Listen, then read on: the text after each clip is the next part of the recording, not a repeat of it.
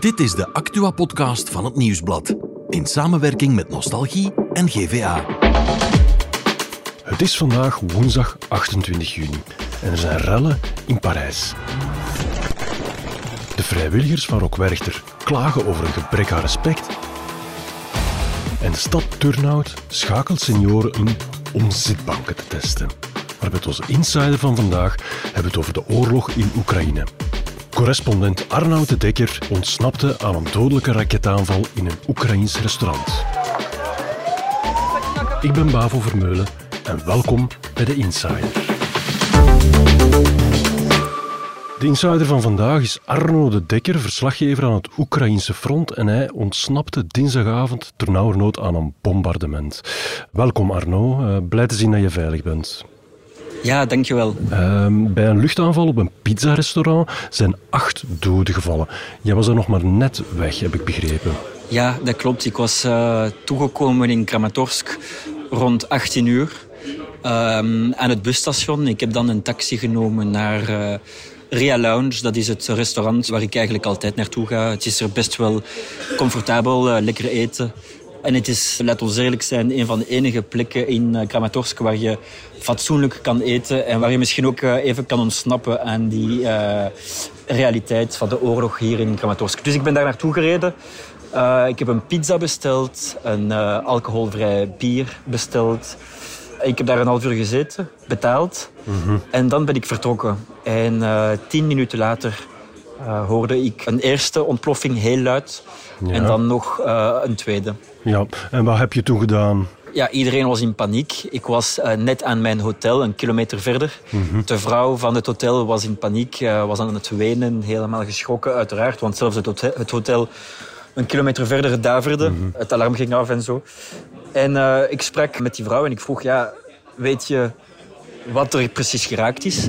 En na een paar minuten zei ze tegen mij Ria Lounge. Mm -hmm. En uh, toen ik dat hoorde, ben ik onmiddellijk teruggekeerd. En uh, ik ben daar naartoe gestapt. Ja. En ik zag rookpluimen over de gebouwen reizen. En ik hoorde uh, sirenes van ambulances. en dan ben ik op de plek aan de plek toegekomen. Mm -hmm. En dat was echt wel de hel. Ik zag mensen op de grond liggen, gewond, bloed overal. Mensen schreeuwen van onder het puin van onder de brokstukken de hulpdiensten kwamen toe. En uh, ze zijn dan uh, onmiddellijk beginnen bijna letterlijk graven onder het puin naar overlevenden. Want er was wel veel volk in dat restaurant op dat moment. Uh, heel het personeel was aanwezig. Mm -hmm. Plus nog klanten. dus er was veel volk. Ja. En alles is gewoon ingestort en uh, weggeveegd, weggevaagd van de kaart, letterlijk. Ja, dat moet een uh, verschrikkelijk zicht geweest zijn, uh, Arno. Um, kan je voor ons eens proberen te omschrijven of situeren um, hoe verhoudt Kramatorsk zich tot het front en um, hoe geschrokken zijn ze daar van die plotse raketaanval?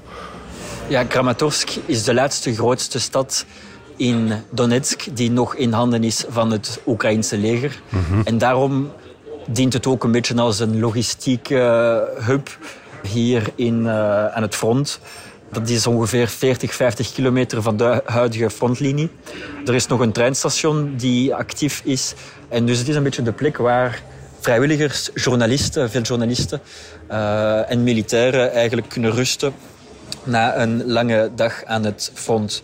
Dus het was zeker en vast een doelbewuste aanslag op het restaurant. Want wellicht wisten de Russen ook dat Real Lounge dient als uh, ontmoetingsplek hier ja, ja. voor uh, heel wat mensen. Ja, ze hebben dat dus echt bewust geviseerd. Wellicht, het kan bijna niet anders, want een van die twee raketten was geland op het restaurant, uh, letterlijk. Dus ja, het lijkt mij weinig waarschijnlijk dat het willekeurig was. Je hebt al een aantal verhalen gemaakt voor het nieuwsblad uh, van aan het front, dus je bent al een en ander gewoon, maar dit is echt wel een heel impactvolle gebeurtenis geweest. Maar daar komt bovenop dat je nog maar net een collega bent verloren, hè? de Fransman Armand Soldin, dat was iemand die je kende, en die is een maand geleden gestorven bij een raketaanval in de buurt van Bakhmut. Ja, dat klopt. Dat was begin mei. Mm -hmm. Ook getroffen door een uh, granaatscherf bij een ontploffing, terwijl hij aan het werk was voor uh, AFP, de Franse persdienst. Ja. Ehm, ik ben intussen wel leven in Brussel of in België geweest. Uh, tijd voor mezelf genomen. Mhm. Maar uh, inderdaad, ja, als je naar Oekraïne komt en je, gaat, uh, je komt naar deze gebieden, dan weet je ergens wel dat dat kan gebeuren. Nu, Kramatorsk, ik ben hier heel lang, heel veel geweest. En dus het, het voelde min of meer veilig wel. Dus dat net die plek is aangevallen ook nog eens tien minuten nadat ik het uh, heb mhm. verlaten. Dat, is toch, dat komt wel uh, akelig dichtbij. Ja, en jij bent nu nog altijd in Kramatorsk? Ja, absoluut. Uh, slechts een aantal tientallen meters verwijderd van uh. Ja, dus het is niet dat je onmiddellijk plannen maakt om veiliger oorden op te zoeken? Maar ik ben hier uh, natuurlijk om te werken en uh, het is net in zo'n situatie dat er veel vraag is en ik uh, word benaderd door veel media. Dus mm -hmm. als ik nu zou vertrekken en ik zou mijn werk niet doen, ja, dan is het een beetje nutteloos dat ik hier ben geweest. Dus ja, ik ga wellicht zien de komende dagen hoe ik me voel, want dit was wel heel intens. Maar ik laat het momenteel allemaal over me heen komen en ik probeer mijn werk te doen. Ik ben hier nu al meer dan een jaar, dus ik ken het terrein ook goed. ik weet intussen hoe ik moet omgaan met de verschillende militaire diensten. Ik weet hoe het is om hier te zijn. Dus ik heb zoiets van. Ik heb heel die ervaring al jarenlang opgebouwd. Het zou jammer zijn om daar nu geen gebruik van te maken. Uiteraard, ja, ik moet, ik moet, ik moet voor mezelf zorgen. Uh, en dat ga ik ongetwijfeld doen als het hier opnieuw wat rustiger is. Maar uh, ja, ik heb zoiets van... Uh, die ervaring heb ik nu, dus uh, dan kan ik het beter gebruiken. Hè. Mm -hmm, zeker, oké. Wat er ook nog maar net gebeurd is in Oekraïne, is gisteren is er forse terreinwinst geboekt eh, door de Oekraïners. En president Zelensky noemde dat een vooruitgang in alle richtingen. Ja, ik blijf het wel... Uh ja, een met de enige terughoudendheid uh, zien. Mm -hmm. Want uh, ja, dat tegenoffensief wordt nu al weken, zo niet maanden aangekondigd. En er is nog niet heel veel te zien op de frontlinies zelf. Dus uh, het komt er, ongetwijfeld, maar het is traag. En ik denk dat we vooral voorzichtig moeten blijven met de nieuwe ontwikkelingen. Want het is, het is absoluut moeilijker dan... Uh, dan uh, oorspronkelijk gedacht. Mm -hmm. um, dus elke overwinning is zeker goed voor het Oekraïnse leger, maar ik denk dat we toch wel voorzichtig moeten zijn met de winst die er geboekt wordt. Ja. Is het dan zo, Arno, dat Oekraïne niet echt kan profiteren van dat momentum dat gecreëerd is door het huurlingenleger van Wagner dat zich tegen Poetin heeft gekeerd? Sommige mensen zagen daarvan, oké, okay, dat is heel goed nieuws voor Oekraïne. Maar dat lijkt tegen Ja, het was... Uh, het, het, was goed nieuws voor de burgers met wie ik sprak, uh, onder meer in Zaporizhia uh, afgelopen weekend. Omdat, ze, omdat zij zoiets hadden van eindelijk wordt de aandacht een beetje verlegd van Oekraïne naar uh, Rusland. en zijn daar problemen, dat doet ons deugd. even een verademing. Dus bij de burgers werd dat wel positief onthaald. Maar we zien eigenlijk weinig beweging aan het front naar aanleiding van wat er in Rusland is gebeurd. Dat kan deels ook een gevolg zijn van het feit dat de soldaten langs Russische kant die nog altijd vechten hier in Oekraïne, dat die misschien zelfs niet op de hoogte zijn van wat daar allemaal is gebeurd. Mhm. En dat dat uiteindelijk in Oekraïne weinig impact had op de frontlinie. Dus bij de burgers is het wel positief enigszins onthaald afgelopen weekend. Maar op de frontlinies zelf is er weinig van uh, te merken, helaas. Ja, mag ik nog een laatste ding aftoetsen bij u, Arno? Wat uh, denk je van de theorie dat Prigozhin en zijn uh, Wagner-milities zich nu terug opladen vanuit Wit-Rusland en daar misschien opnieuw gaan deelnemen aan de strijd? Ja, het is een heel ingewikkelde interne strijd in Rusland. En om heel eerlijk te zijn, ik ben geen expert op dat vlak, dus die antwoorden laat ik liever over aan uh, mensen die daar wel iets van uh, weten. Analisten, experten en, uh, en, dergelijke. Wat ik weet hier in Oekraïne is dat de mensen uiteindelijk, ofwel, vooral de militairen dan, zij, zij blijven daar liever weg uit die debatten. Voor de militairen is wat telt de situatie in Oekraïne aan de frontlinie. Dus ze houden zich daar niet echt mee bezig. En de burgers die zien het eigenlijk als uh, een vernedering eigenlijk van mhm. Rusland, van Poetin, waar iedereen verzwakt uitkomt. Dus uh, in Oekraïne is men niet echt daarmee bezig. Uh, wat, wat uiteindelijk wel normaal is, want ze zijn vooral bezig met de oorlog die hier in Oekraïne uh, woedt. Oké, Arno, ik begrijp, je blijft daar in Kramatorsk om je werk daar verder te zetten. Heb je ook al plannen gemaakt voor de komende dagen, komende weken? Wat je gaat doen? Ga je bijvoorbeeld deze raketaanval vooral opvolgen of zijn er andere plannen? Ja, ik was eigenlijk net teruggekomen uh, of toegekomen in Kramatorsk om mijn werk opnieuw hier te beginnen voor uh, minstens een aantal dagen aan de frontlinies. Uh, ik had al contacten gemaakt eigenlijk om vandaag mee te gaan richting opnieuw Chassivyar en Bakhmut.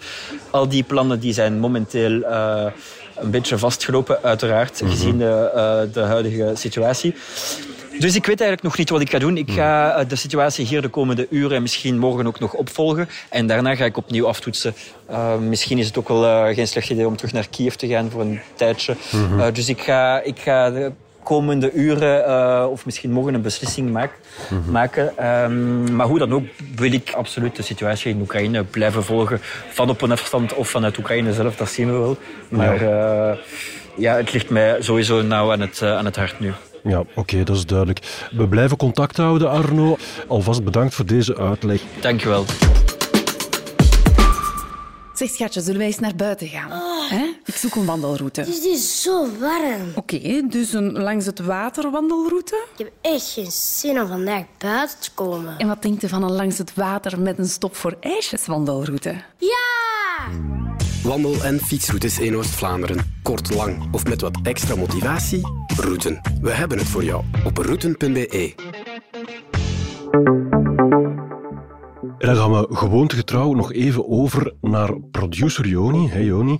Um, voor het andere nieuws van de dag. Er zijn uh, rellen in de banlieues van Parijs.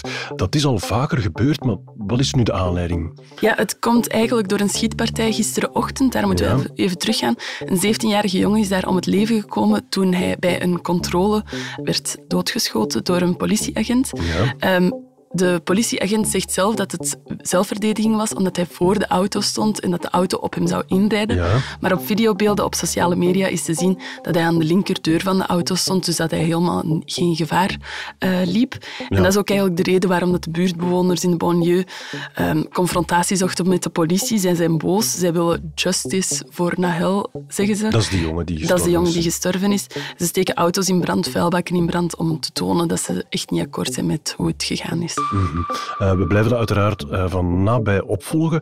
In het overzicht um, zaten ook de vrijwilligers van Rockwerchter. We weten, Rockwerchter draait op veel vrijwilligers. Mm -hmm. Die vinden dat ook heel plezant en belangrijk, want ja. door daar te helpen halen ze budget bij elkaar om hun activiteiten te ja, financieren. inderdaad. Dus dat zijn dan vaak scoutsgroepen of andere verenigingen. En het was vroeger een soort van dorpsfeest en iedereen uit de buurt kwam helpen. Ja. Um, maar elk jaar wordt het blijkbaar erger. Het is niet meer zo fijn als vroeger, zeggen de vrijwilligers. En dat klagen ze nu aan. Ja, inderdaad. Het gaat bijvoorbeeld bij camping- en parkinguitbaters over het feit dat ze nog niet eens de helft krijgen van een parkingticket. Dat kost ja. 25 euro. Ze krijgen geen t-shirts om in te werken. Um, ze geraken soms simpelweg niet uit de kosten, zeggen ze, omdat de mensen niet komen opdagen.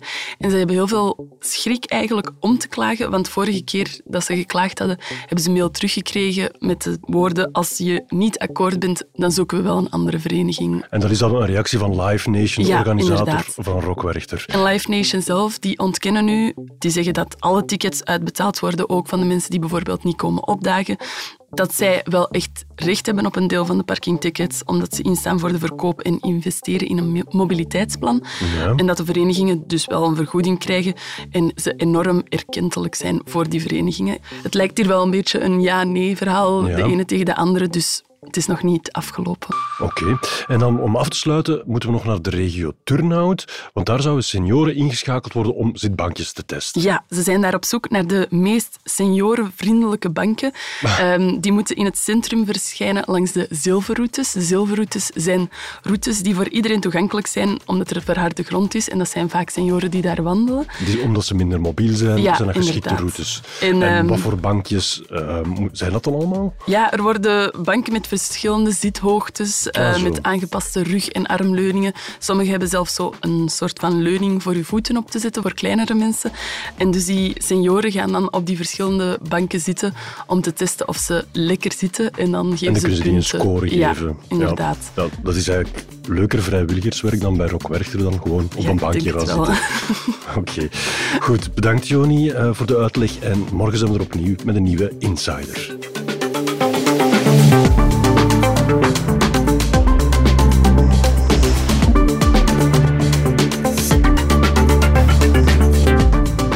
Dit was The Insider, een podcast van het Nieuwsblad in samenwerking met Nostalgie en GVA. De muziek is van Pieter Santens. De montage gebeurde door House of Media. Wil je reageren? Mail naar podcast.nieuwsblad.be.